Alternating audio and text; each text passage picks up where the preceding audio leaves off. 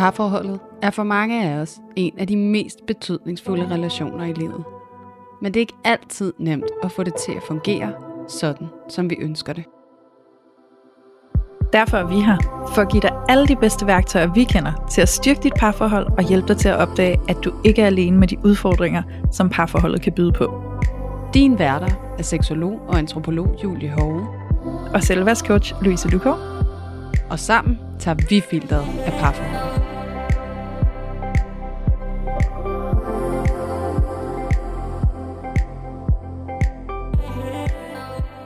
Hej alle sammen, og hjertelig velkommen til Parforhold Uden Filter. I dag kan jeg lige så godt starte med at sige, at det er lidt en særlig dag, fordi at øh, jeg sidder og kigger ind i dine øjne, Louise. Ja, Ja. og ikke bare gennem en skærm. Nej, det er sådan ægte, jeg kan se dine øjne. Det er faktisk øh, det er meget romantisk i dag. Ja. Øhm, fordi det er vi jo overhovedet ikke vant til. Vi er jo simpelthen vant til at sidde i hver vores ende af landet, og så snakke sammen på den måde. Så det her det er faktisk rigtig hyggeligt. Mm. Og det fede er jo, at det ikke er første gang i dag, jeg har gjort det, fordi at uh, as we speak, så har vi faktisk været inde og optage podcast med podcasten Voksen Dating, som er hostet af Claudia og Danica, og det har altså været en kæmpe fornøjelse, hvor vi har talt om dating og tilknytningsmønstre. Ja. Ja, så det har været mega spændende, og det kan I jo se frem til at lytte til i næste uge, mandag, når det udkommer. Det er anden pinsedag. Ja. ja. Jeg kan lige se, vi sidder lige og tjekker ind med hinanden, for nu fik vi datoen i dag, og så skal vi bare lige være sikre på, at øh, det er den rigtige. Ja. ja. ja. Men, Så, så fra noget, vi er øh, totalt uvant i, så har vi lige gjort det to gange på en dag. ja, Ja. det har været meget godt. Ja. Ja, så nu sidder vi her igen hjemme ved dig, Mm-hmm. i dit lille kontor. Ja. Ja, og øhm, vi har siddet og puslet lidt med, hvad skulle vi tale ind i i dag. Og så var det, at det slog os, at et dilemma, der faktisk rigtig ofte går igen i rigtig mange parforhold, det kan være noget med det her med ens solosexliv. Mm. Altså onani, og hvad er ligesom okay, og hvad er ikke okay, og hvordan er det, vi kan blive trigget i forhold til vores partners solosexliv, når de ser porno eksempelvis, eller hvad de ellers gør. At det på mange måder nogle gange kan trigge et mønster, eller en utryghed, eller en følelse af utilstrækkelighed, som vi gerne vil prøve at tale lidt om i dag. Ja. Så øh, det vil vi gøre. Ja. Ja, Meget spændende. meget spændende. Ja. Men først, mm. så skal vi jo til vores øh, nye ritual her i podcasten, og det er jo at lave en øh, parforholdscheck-in. Mm-hmm. Så hvordan har dit parforhold, Louise, været i den seneste uge? Ja. Jamen, øh, det er sjovt at skulle svare på, fordi jeg føler, at den uge er gået så hurtigt, at jeg bare sidder og tænker sådan, jeg har da ikke noget nyt at berette om. jeg kan sige så meget som, at jeg har været på endnu en nærværsdate med min kæreste i vores nye øh, system, eller hvad jeg skal kalde det, hvor vi tager en nærværsdate hver uge. Og øh, det er rigtig hyggeligt. Øh, jeg synes faktisk allerede, jeg mærker en effekt af, at vi tager mere tid til hinanden, som er øh, sådan helt intentionelt Hmm. øh, med fokus på at være nærværende over for hinanden. Øh, så, øh, så jeg har egentlig bare lyst til at sige, at øh, status er, at der bare er neutralt i mit parforhold lige nu. Altså sådan, jeg har det godt, og der er ikke noget sådan vildt at berette om, synes jeg. Nej. Ja, og sådan er det jo også. Ja, det, ja, det Ja. det. Nogle uger, så sker der faktisk ganske lidt. Ja.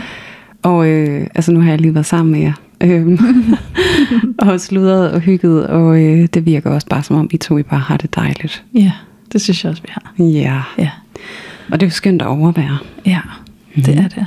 Så øh, lad mig høre, hvad status er hos dig. Ja, Mm. altså jeg, tror, jeg, øh, jeg har lidt samme oplevelse som dig. Altså jeg, sådan, alt andet lige, så har vi det godt. Øh, vi er sådan et sted, hvor vi virker sådan ret en, i synk med hinanden på en eller anden måde. Og, øh, og så har det også bare været et vildt par dage, fordi at, øh, at jeg har sådan troet på et tidspunkt, at øh, jeg simpelthen var blevet gravid. Ja, så vildt. Totalt vildt. Øhm, og lige fået det afkræftet, så øh, der er ingen grund til at finde terpentiner og flag frem derude. øhm, det bliver ikke en baby i den her omgang, men det har jo været lidt en vild rutsjebanetur de sidste to dage for os, fordi at jeg jo virkelig har overbevist mig selv om, at, øh, at jeg nok ikke skulle have flere børn. Og så er det som om, at de her to dage ligesom har vendt lidt op og ned på det hele, at nu er jeg sådan helt kommet i tvivl. Mm. Og øhm, ja, det har været ret vildt, og det har givet anledning til nogle gode samtaler mellem mig og øh, min kæreste i forhold til, hvad vi vil, hvornår vi vil det, hvordan det skal se ud, men også, jeg kan mærke, at noget af det, jeg har lært i det her parforhold, det er at sådan få en øget tillid øhm, til relationen. Og det var sådan lidt vildt at få øje på, hvordan at jeg, siden jeg var 23 og blev mor første gang, kontra der, hvor jeg er nu, at, at det at øh, blive bevidst om, at jeg måske var gravid, at jeg gik ikke i panik, mm. sådan som jeg havde forestillet mig, at jeg er et langt bedre sted med mig selv, og det egentlig var en vild opdagelse, og det ja. sætter det hele lidt i perspektiv, og det er jo fordi, som vi jo så tit snakker om i den her podcast, at når vi har nogle svære erfaringer, så kan vi jo godt på grund af frygten for at gennemleve den smerte igen, ligesom afskrive noget, eller sige, det skal jeg ikke have, eller det er ikke for mig. Jeg tror bare, jeg er blevet meget bevidst omkring her de sidste to dage, at sådan har det der med moderskab været meget for mig. Ja. Ja, så det har været sådan en helt vildt rutsjebanetur. Ja, så på en eller anden måde var der en opvågning i at sidde der med den der graviditetstest, der var falsk positiv. Yes. Og så sådan mærke i dig selv, at du reagerede helt anderledes, end du måske havde troet, du ville. Ja, præcis. Og, øhm, og virkelig også det der med, at vi begge to måske lige sådan noget at tænke, okay, øh, this is happening. Mm. Øhm, og bare lige se også i, i det, altså hvordan vi begge to håndterede det. Og Ja. hvordan at vi følte os meget stærke i det, og rolige i det, og fik nogle virkelig vigtige samtaler. Det var helt vildt fed erfaring at få. Ja. Så ja, det har været sådan lidt en rutsjebane den sidste uge. Ja, det forstår jeg virkelig godt. Ja. Hold da op, altså. Ja, jeg blev jo også øh, helt rundt, så da du præsenterede det for mig i dag. jeg skulle lige forstå, hvad er det, der foregår, hvordan hænger det sammen. Ja. Ja, så, så det forstår jeg godt. Har vendt lidt op og ned på det hele. ja. Ja, men øh, dejligt, at der jo trods alt er kommet så fin en indsigt og læring ud af det. Mm. Helt bestemt. Ja, Ja. okay, så nu skal vi snakke om onani. Ja, Ja, emneskift. ja, ja. springer bare lige, lige direkte ud i det. øhm, ja, nej, vi har jo faktisk set, at inde i vores loge, fantastiske loge, hvor der er så der er mange dejlige medlemmer, der støtter hinanden og deler hinandens dilemmaer, at der faktisk også derinde er ret mange, der har skrevet omkring, at de har opdaget, at deres øh, partner ser porno og onanerer til porno, og de faktisk har det lidt svært ved det, og ikke lige ved, hvordan de skal forholde sig til det, og der er også nogen, der sådan decideret tænker, hvad skal jeg stille op, hvad skal jeg gøre? Mm. Øhm, og det bevidner jo om, at der kan være en vis ubehag omkring det, hvor at, øh, at det der med, at ens partner ser porno og onanerer til det, det kan måske føles lidt som et øh, tillidsbrud. Det kan måske fylde en op med noget jalousi, eller lidt forvirring omkring, hvorfor har du behov for det? Nogen kan måske vende det ind af og tænke, har det noget at gøre med, at jeg ikke er sexet nok for dig, eller er jeg bare ikke nok seksuelt for dig? Mm. Øh, måske kan man komme til at spejle ind og sige, okay, jamen, øh, hvordan ser de mennesker ud, som du kigger på, og ligner de mig? Og hvis de ikke gør, hvad fortæller det så om, hvordan du ser på mig? Ja. Eller det sex, de dyrker, er det så det sex, du forventer at have med mig? Så der kan jo være rigtig mange tanker og bekymringer og usikkerheder, der bliver tændt for, når vi får sådan en reaktion mm. over, at vores partner onanerer til porno, Ja. eksempelvis, eller i det hele taget bare onanerer mm. øhm, ude for vores sexliv sammen. Ja. Så det synes jeg, vi skal åbne op for, og øh, jeg synes jo, vi skal gøre, som vi plejer, Julia, så kan jeg jo starte med at spørge dig, hvad er dit forhold til, øh, hvis eller at din partner onanerer, enten bare onanerer i sig selv, eller måske gør det til porno. Det har jeg det helt afslappet med. Ja. Øhm, det skænker ikke ret mange tanker. Øhm, for mig personligt er det helt naturligt. Og også noget, jeg egentlig synes langt hen ad vejen er helt enormt vigtigt. Øhm, det her med, at min partner har et forhold til sig selv og til sin egen krop. Mm. Og at han har et, øh, et solo-sexliv, hvor han kan få noget glæde med sig selv, ved sig selv. Og hvad han måtte bruge for at, øh, at skabe den nydelse, det, det har jeg ikke rigtig noget imod. Og jeg tror også, det er fordi, at, at jeg fungerer sådan, at jeg godt kan se øh, skældene imellem den der lidt fiktionsverden og så den virkelige verden. Øhm, og også, jeg tror også tit og ofte, det er sådan, altså den usikkerhed, der kan blive vækket, den er affødt af, at der ikke er så meget kommunikation omkring vores sexliv. Mm. Øhm, der er så mange usagte ting imellem os. Og det med sex, det er ikke noget, vi taler om.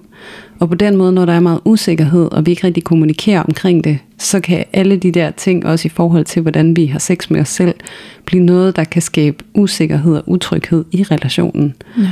Og, jeg, og der er det jo, at, at min kæreste og jeg, vi taler meget om mm. vores sexliv. Øhm, helt bevidst, og også fordi det er noget, jeg ved, jeg har været udfordret på.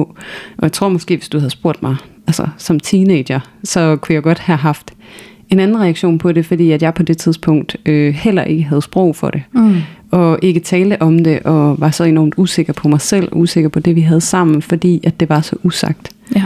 Øhm, og jeg tror så med tiden, nu siger jeg også teenager, øh, det kan også være, at jeg, nej, jeg var heller ikke udfordret på det i mine 20'ere, men jeg tror sådan, at der hvor jeg var meget usikker stadigvæk på mig selv, og om jeg var nok, og om jeg var tilstrækkelig, at der, der triggede det mig, altså Mm. meget mere end, øh, ja, som det jo slet ikke gør nu.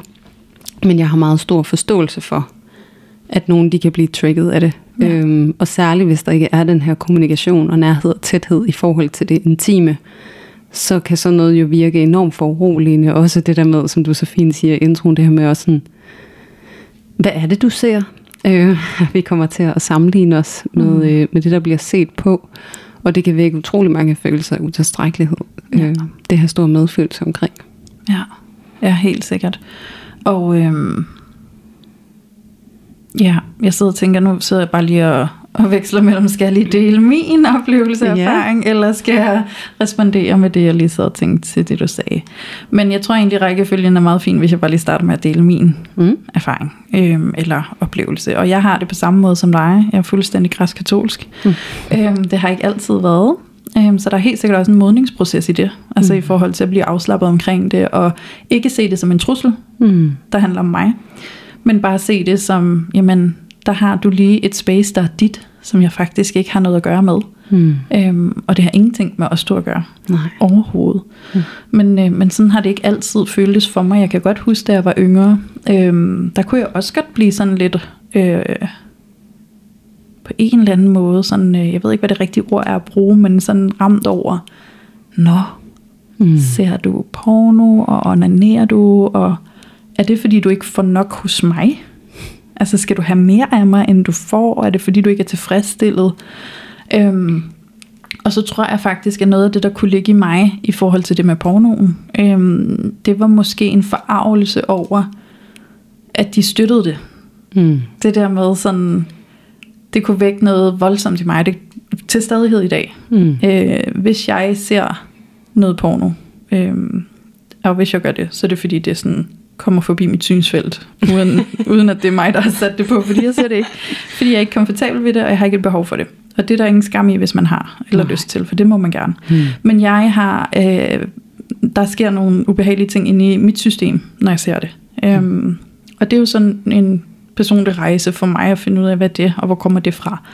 Men, øhm, men på den måde, så kunne jeg godt blive sådan lidt dømmende på min partner, på sådan, nå, okay, så du billiger simpelthen det, der sker i pornoindustrien. Mm.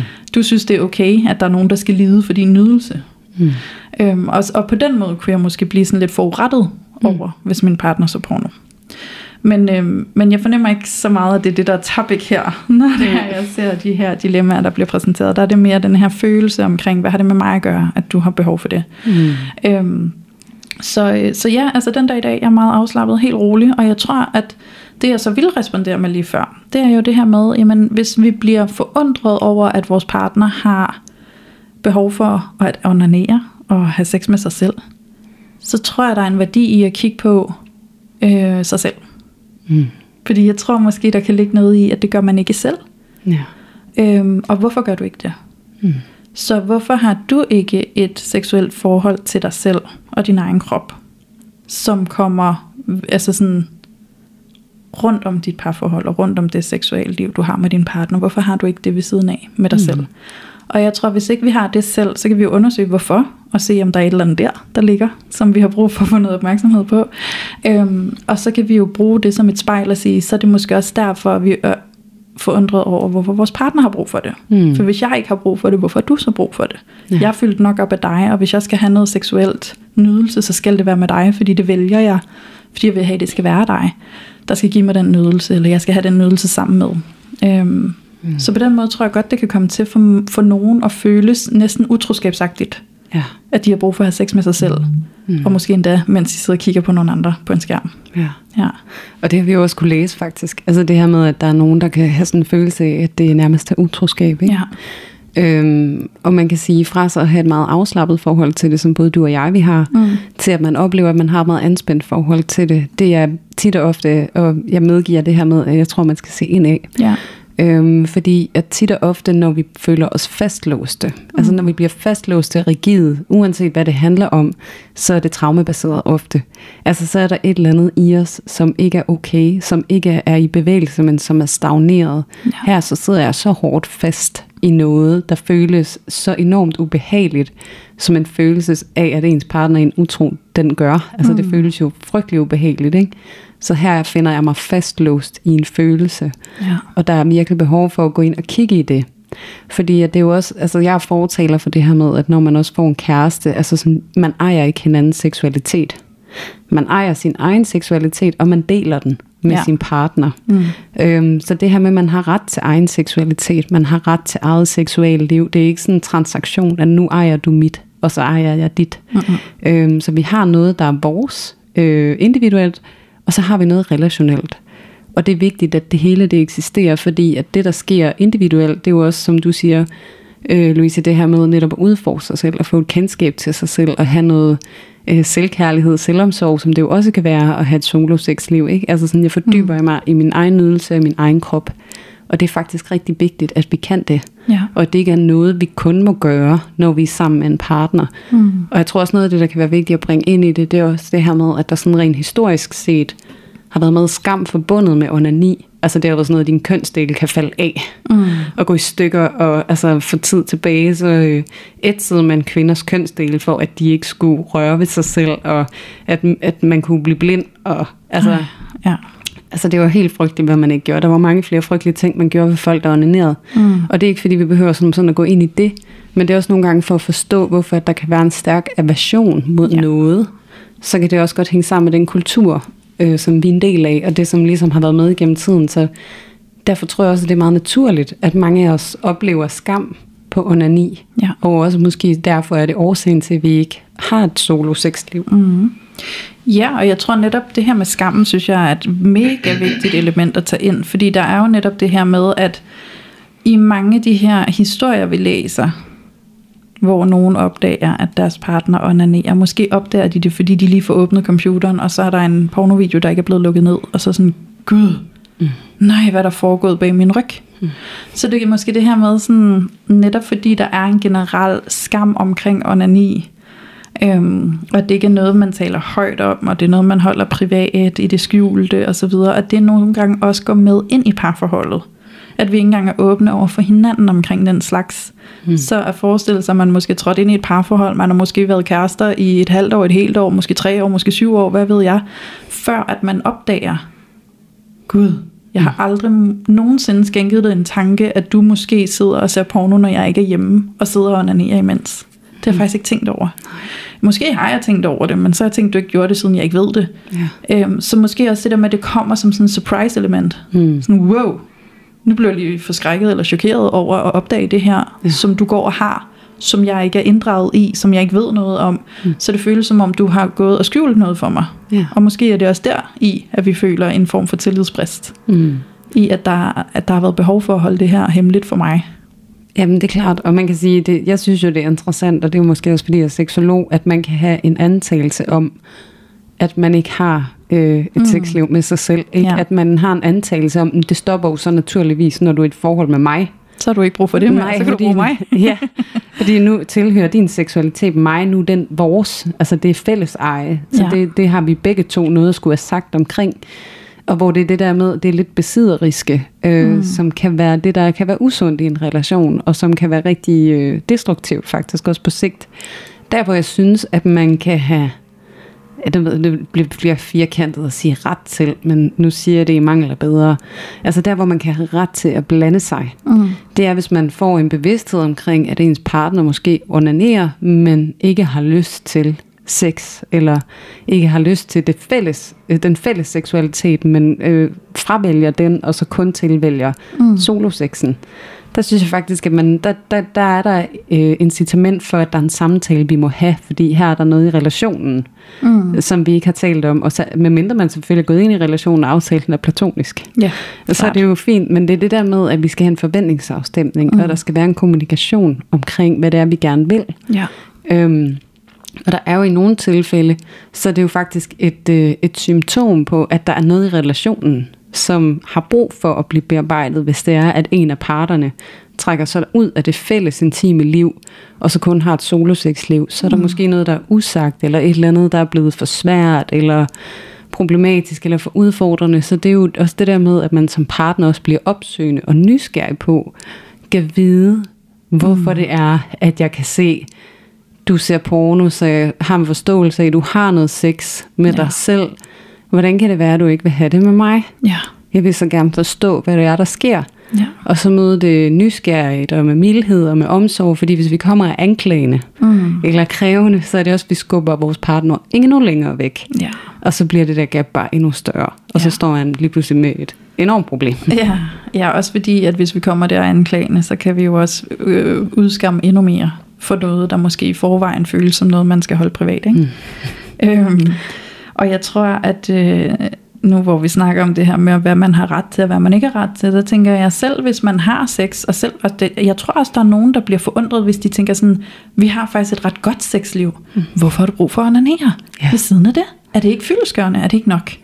Øhm, og jeg har lyst til at sige, at øh, står man nu i den situation, hvor man har fået øje på, at ens partner onanerer, og måske ser noget porno, og man vidste det ikke, og man får lige sådan en chok. Øhm, jeg synes jo, det er fair nok at gå til sin partner og oplyse om den opdagelse, man har gjort sig, og mm. dele, hvad det gør ved en. Men netop det der med, det handler jo ikke om at komme og sige sådan, øh, hvorfor har du brug for at se porno, og øh, det synes jeg ikke er særlig fedt, du gør, og alle de her bebrejdelser. Men, mm. at, men at komme og sige sådan, ved du hvad, den anden dag, da jeg lige skulle bruge computeren, så kunne jeg se, at der var en pornofilm, der ikke var blevet lukket ned, og jeg, jeg tænker, det måske er dig, der har set en pornofilm. Øhm, og det kunne jeg faktisk lige mærke, at det, der, der opstod en hel masse følelser i mig, jeg lige har lidt svært ved, og altså sådan, man træder ind i samtalen med et utroligt stort ansvar hmm. for, at grunden til, at jeg nævner det her for dig, det er faktisk, fordi jeg gerne vil bringe noget åbenhed ind imellem os to, og jeg vil gerne dele, hvordan jeg har det i det, med ansvar for, at det er mit. Yeah. Og så vil jeg stille mig nysgerrig på dig, og måske lære dig endnu bedre at kende i forhold til din seksualitet og din lyst og dine behov. Hmm. Ja, jeg er 100% enig, og jeg synes jo, det fine i det, du siger nu, det er jo, at, at det er jo netop det modsatte af at være bebrejdende og anklagende. Mm. Altså det er at være sårbar. Ja. Og så sige, der skete alt det her inde i mig, ja. da jeg så den her pornofilm. Jeg blev sådan ramt af en tvivl om, jeg er nok for dig, om du synes, at vi, vores sexliv er godt nok. Mm. Jeg fik det til at betyde, at jeg ikke var nok. Ja. At, at det ikke er godt nok for dig, at det jeg kan blive taget af på indersiden, det er sådan en frygt for at miste dig, hvis nu ikke, at jeg gør det godt nok lige her. Fordi tit og ofte, når vi reagerer meget voldsomt på noget, så er det faktisk fordi, det er de længder, vi er ude i. Ja.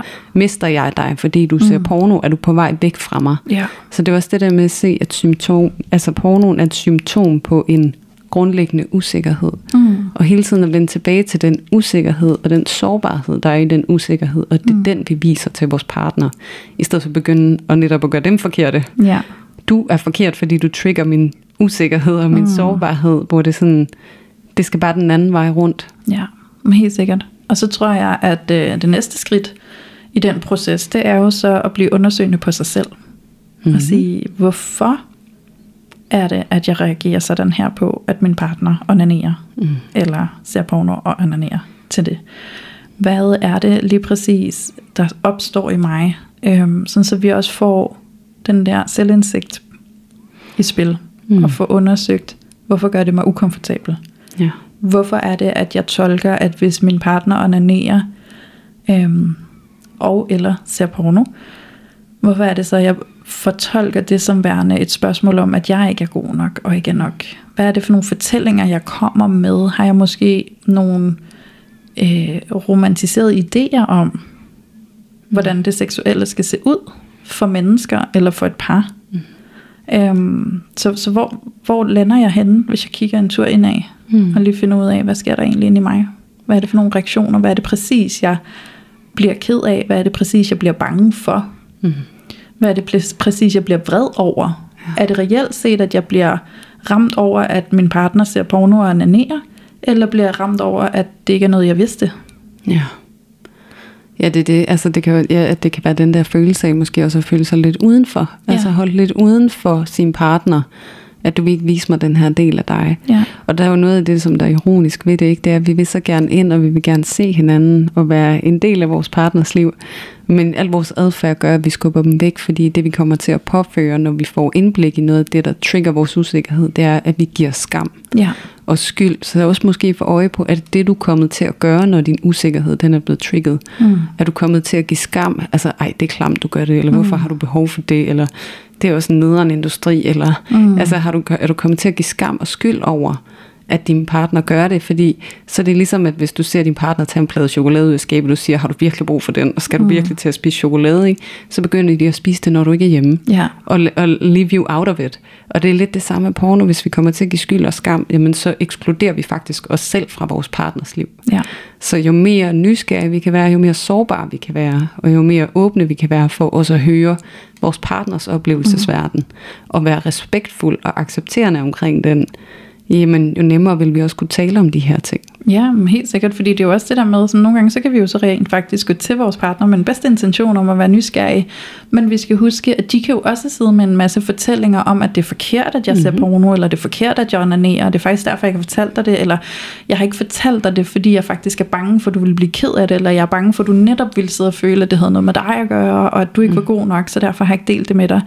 Øhm, så vi kan jo også godt komme i møde med en partner, der faktisk ikke er interesseret i eller særlig tryg ved at skulle åbne op Mm. og fortælle og dele, hvor de kommer fra i alt det her. Øhm, så det skal vi jo også vide, at det, det, det kan vi gøre meget for at skabe et trygt miljø omkring, og vi kan også være meget tålmodige og respektfulde i at sige, jeg har lyst til at snakke med dig om det, hvis du har lyst til at dele det med mig. Mm. Og det kan godt være, at lige nu, der, der er det lige for prompte, at jeg kommer til, at du overhovedet kan finde dine ord, eller Ja. du skal også lige have lov at mærke ind i, hvad du har lyst til at dele, om du har lyst til at dele, hvordan du har lyst til at dele. Mm. Så tag dig den tid, du har brug for til lige at gå og summe på det. Mm. Og så kan det være, at vi måske kan aftale, at du kommer til mig, hvis du føler dig klar. Øh, eller bare kommer til mig og siger, hvis du ikke har lyst til at dele Mm. det. Øhm, det kan også godt være, at vi bare aftaler, at øh, lad os lige mødes igen om tre dage, og så tjekke ind, Mm. og se om det er noget, vi kan snakke om. Ja. For jeg kunne rigtig godt tænke mig at snakke om det, for, mm. fordi der er helt sikkert nogle ting i mig, der rører sig, hvor jeg godt kunne bruge, at vi fik en snak, der kunne gøre mig mere tryg.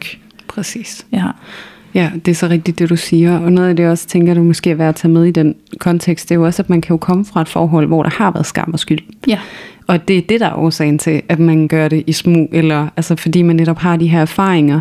Og der er nogle gange det bedste, vi kan gøre, det er netop ligesom at i talesæt og vise det her, kan du godt tale med mig om, jeg forstår, mm. du har nogle erfaringer med at blive gjort forkert, eller der bliver lukket for det varme vand, eller du bliver udskammet, eller et eller andet. Hvis du deler den her del af dig selv, det giver så god mening, du har pakket den væk fra mig. ja, Hvordan er det for dig at dele det med mig? Jamen, jeg kan mærke, at jeg er helt vildt nervøs og bange for, at du dømmer mig lige nu. Okay, så hvordan er det, at jeg ikke gør det? Ja. Men at der faktisk er plads til dig.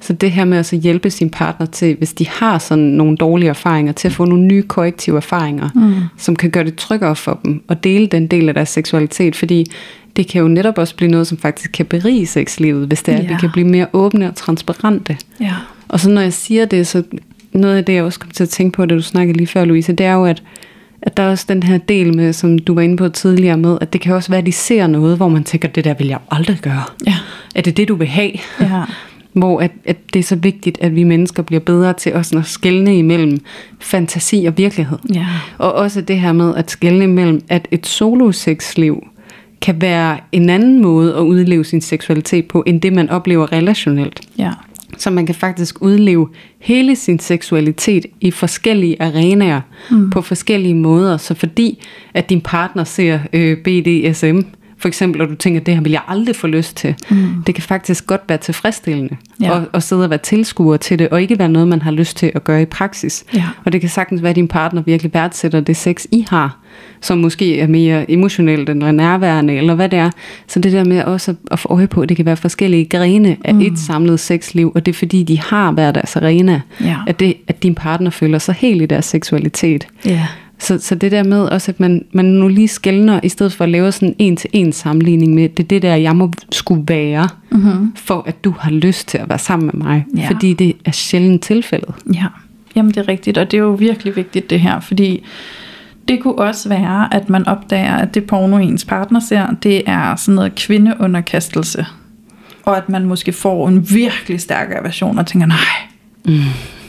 Er, det, er du okay med, at kvinder bliver behandlet sådan? Er det det, du står for? Er det dine værdier, eller hvad? Synes du ikke, at kvinder er mere værd end det? Mm. Man kan komme til måske at trække det ud i virkeligheden og sige, så må det jo være lige med dine grundværdier i livet Det er det. omkring andre mennesker, mm. og det er det ikke nødvendigvis, fordi noget af det, vi også skal forstå med, med fantasier, som porno tit er øh, katalysator for, Mm. det er jo tit, at vi ser det, som måske kan øh, kilde lidt ved de fantasier, vi ellers går med i det skjulte. Øhm, vores fantasier er jo rigtig tit bundet op på traumer, Ja, interessant nok. det er det. Ja, det har vi snakket en lille smule om før, kan jeg huske. Øhm, og derfor kan vores fantasi jo netop også forandre sig, i takt med, at vi forløser traumer. Så, så der er også noget at kigge i, netop at det, som din partner ser i pornoens verden, er ikke nødvendigvis det, de går, altså står for og går ind for Mm-mm. i det virkelige liv. Præcis. Øhm, så, så der er noget der også at, at give sig selv lov til at frigive. Øhm, og tillade det at være en fantasiverden, som du ikke skal tage ud i den virkelige verden Mm. eller sammenligne med den virkelige verden. Og så har jeg lige en tilføjelse til det her med før, da vi snakkede om, hvordan man kan kommunikere, hvordan man kan komme til sin partner, og man kan måske allerede sige til sin partner, hey, måske kommer du fra et tidligere forhold, hvor der var meget fordømmelse. Øhm, og jeg, jeg blev bare lige ramt af, at man kan jo faktisk godt komme til sin kæreste med den bedste intention om at være åben og nysgerrig og gerne vil have en rigtig fin samtale omkring det. Men at man kan mærke, wow, men jeg er godt nok også ramt indeni. Mm. Jeg kan mærke, at jeg rent faktisk dømmer dig. Mm. Men jeg har ikke lyst til at dømme dig. Mm-hmm. Det der med faktisk at tage ansvar for, du skal vide, at jeg respekterer dig, og jeg er nysgerrig. Jeg vil gerne have den her åbne samtale. Hvis du på nogen måde mærker i mig, at når jeg ytrer noget eller stiller spørgsmål, at der virker som om der er en dømmende tone, så er det fordi, det er noget, jeg har det svært med. Mm. Men det er ikke dig, jeg er interesseret i at dømme. Nej. Men der er noget, jeg har det svært med. Ja. Og det vil du måske godt kunne mærke på mig i den her samtale. Mm. Men ved, at det er mit, ja. og ikke dit. ja. Det er ikke dig, jeg har det svært med. Ja, præcis. Øhm, og det er måske også en god reminder til os selv, Mm. mm. fordi nogle gange så tror vi måske, det er vores partner, vi har det svært med. Og det er det meget sjældent. Det Ja. er rigtig ofte nogle temaer, der bliver aktiveret ind i os selv. Mm. Øhm, fordi det synes jeg er ret relevant nogle gange, det der med, at samtalen kan altså godt have de nuancer, at den ikke bare snor lige, ja. men at den nogle gange er bare lidt kompleks, fordi vi er i nogle følelser, og dem skal vi Præcis. blive opmærksom på undervejs, og det Mm. kan vi jo også bare sætte ord på. Ja, Ja. det er det. Mm. Mm. Ja. Ja, jeg sidder lige og tænker, har vi mere, Julie, til det her? Øhm, jeg synes jo egentlig, at vi har været meget godt omkring øhm, både, hvordan man kan kommunikere med sin partner, når man finder ud af det, og man kan mærke, at man er ramt i det. Også mm. at man lige søger ind og undersøger sig selv. Hvad Mm. sker der i mig? Hvorfor rammer det mig? Ja. Hvad, Jeg tænker, man kan sige meget mere om det der med øh, sexfantasier og skam og hvad mm. de Mm. kommer af og sådan noget, men det har vi jo også lavet et afsnit om. Det er selvfølgelig et efterhånden et ret gammelt afsnit, mm-hmm. og lige nu, som jeg sidder og refererer til det, så, så tænker jeg, åh, det er en af de der første, har man lyst til, at I skal høre dem. Men øh, alt andet lige, så er det det, vi kan give jer lige nu, udover det, vi har talt om lige nu. Øhm, så ja, fordi hvis eventuelt- vi skulle åbne den nu, så tror jeg, at det bliver et helt nyt afsnit. Præcis, Ja. ja. lige præcis.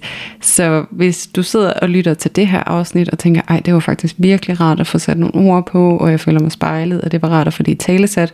Og det der med, at hvad man ser i porno, og hvad man har lyst til i virkeligheden, det kan være to forskellige ting. Mm. Okay, det kunne jeg godt tænke mig at høre noget mere om. Så kan du altså lige øh, scrolle tilbage, og så høre vores gamle, gamle afsnit, der hedder Sex, Fantasier og Skam. Ja.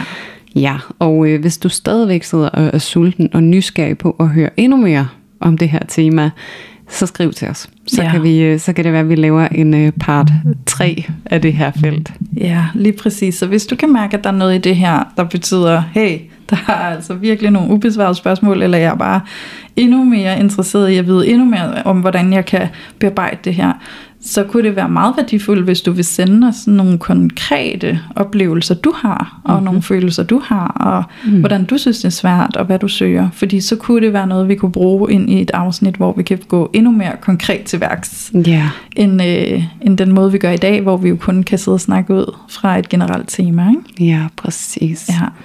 Det er det. Men husk nu derude, at øh, vi er ofte defineret af vores historie og vores tidligere erfaringer. Så øh, hvis det også er, at du har tidligere erfaringer med at blive svigtet, eller blive ladt ude, eller holdt ude af din partners følelsesliv, og oplever, at de går og gør ting bag din ryg, som har fået konsekvenser for dig Ja. og for jeres parforhold, så kan det altså også godt være nogle af de ting, du skal ind og arbejde med. Og at det bare bliver trigget Ja. i onanin og pornoen. ja, præcis. Ja. Og det er derfor, det er vigtigt at finde ud af, er det reelt set onanin og pornoen, jeg er ramt over, eller er det det, at jeg ikke vidste, det foregik? ja. Ja. Det er meget interessant at få Det øje er på. det, det er det nemlig. Og øhm, ja, I må simpelthen i gang med at gå på opdagelser derude, som Ja. altid. Ja, Ja, og, Ja. Så, øh, og så vil vi også øh, takke af for den her omgang, tænker Mhm. jeg, og, øh, og runde af og tage en drink. Og øh, i morgen Ja. hopper vi på, på et fly til Berlin, Ja. og det bliver så hyggeligt. ja og vi skal øh, til Berlin og se et Jay Shetty show. Måske kender I ham, han har engang været munk. Mm-hmm. Og i dag er han en motivational øh, speaker, mm. og vi skal ned og se et show omkring hans nye bog, som hedder Eight Rules Eight of Love. Rules of Love. Ja, så det er et kærlighedsshow, og det glæder vi os til. Det kan jo være, at det betyder, at vi kommer hjem og laver et afsnit med noget af det, vi måske har hørt eller blevet inspireret af Ja. under det show. Nu ser vi. Nu må vi jo lige se, hvad vi synes om showet først og Ja. fremmest. Ja, så kommer vi ikke til at snakke om andet end ham, så I bliver rigtig træt af det. ja, ej, det bliver så spændende. Det glæder Ja. vi os til. Det gør vi helt Ja. ja. vildt. Og øhm, ja, hvis I synes, at dagens tema det har øh, givet genlyd hos jer, og det har givet mening for jer, så er I jo som altid meget velkommen til at gå ind i logen og skrive jeres personlige dilemmaer og få noget sparring derinde i forhold til, hvordan I kan arbejde med lige præcis det, I står i. Så kæmpe invitation til at gå ind på Facebook på parforhold uden filter, bindestreg logen, og så optager vi nye medlemmer hver næstkommende tirsdag. Ja. Så hop derind og kom ind og skriv dit dilemma, og så er der rigtig meget hjælp og støtte og kærlighed at hente derinde. Ja, lige præcis. Det må I så gerne gøre. Og I må også rigtig gerne støtte vores podcast ved at rate den der, hvor du lytter.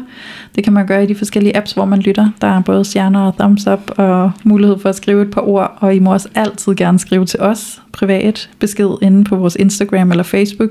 Mm-hmm. Og fortælle os, hvordan det er for jer, at I har os i ørerne hver uge, hvis I har det. Eller bare den gang imellem, hvor I lige ser, der er et tema, I bare ikke kunne være med at trykke play på, så vil vi altså rigtig gerne have lidt feedback og høre, hvordan det lander.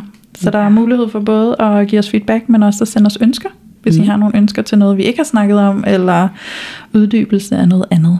Ja. Eller hvis I sidder og er forvirret eller i tvivl om et eller andet, vi har sagt, som I godt kunne tænke jer for nuanceret, så kan vi altså også nogle gange gøre det.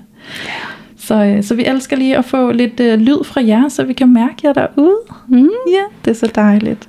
Det er det. Ja, så øh, det var det for i dag. Og Det tusind det tak dag. til dig, Julia. Selv tusind tak, Louise. Det var et tung podcast på en dag. Det er godt gået. Det er fandme godt gået. Ja. Ja. og, og tusind tak til alle jer vidunderlige lyttere derude, der for første gang har været med til at tage filteret af onanin.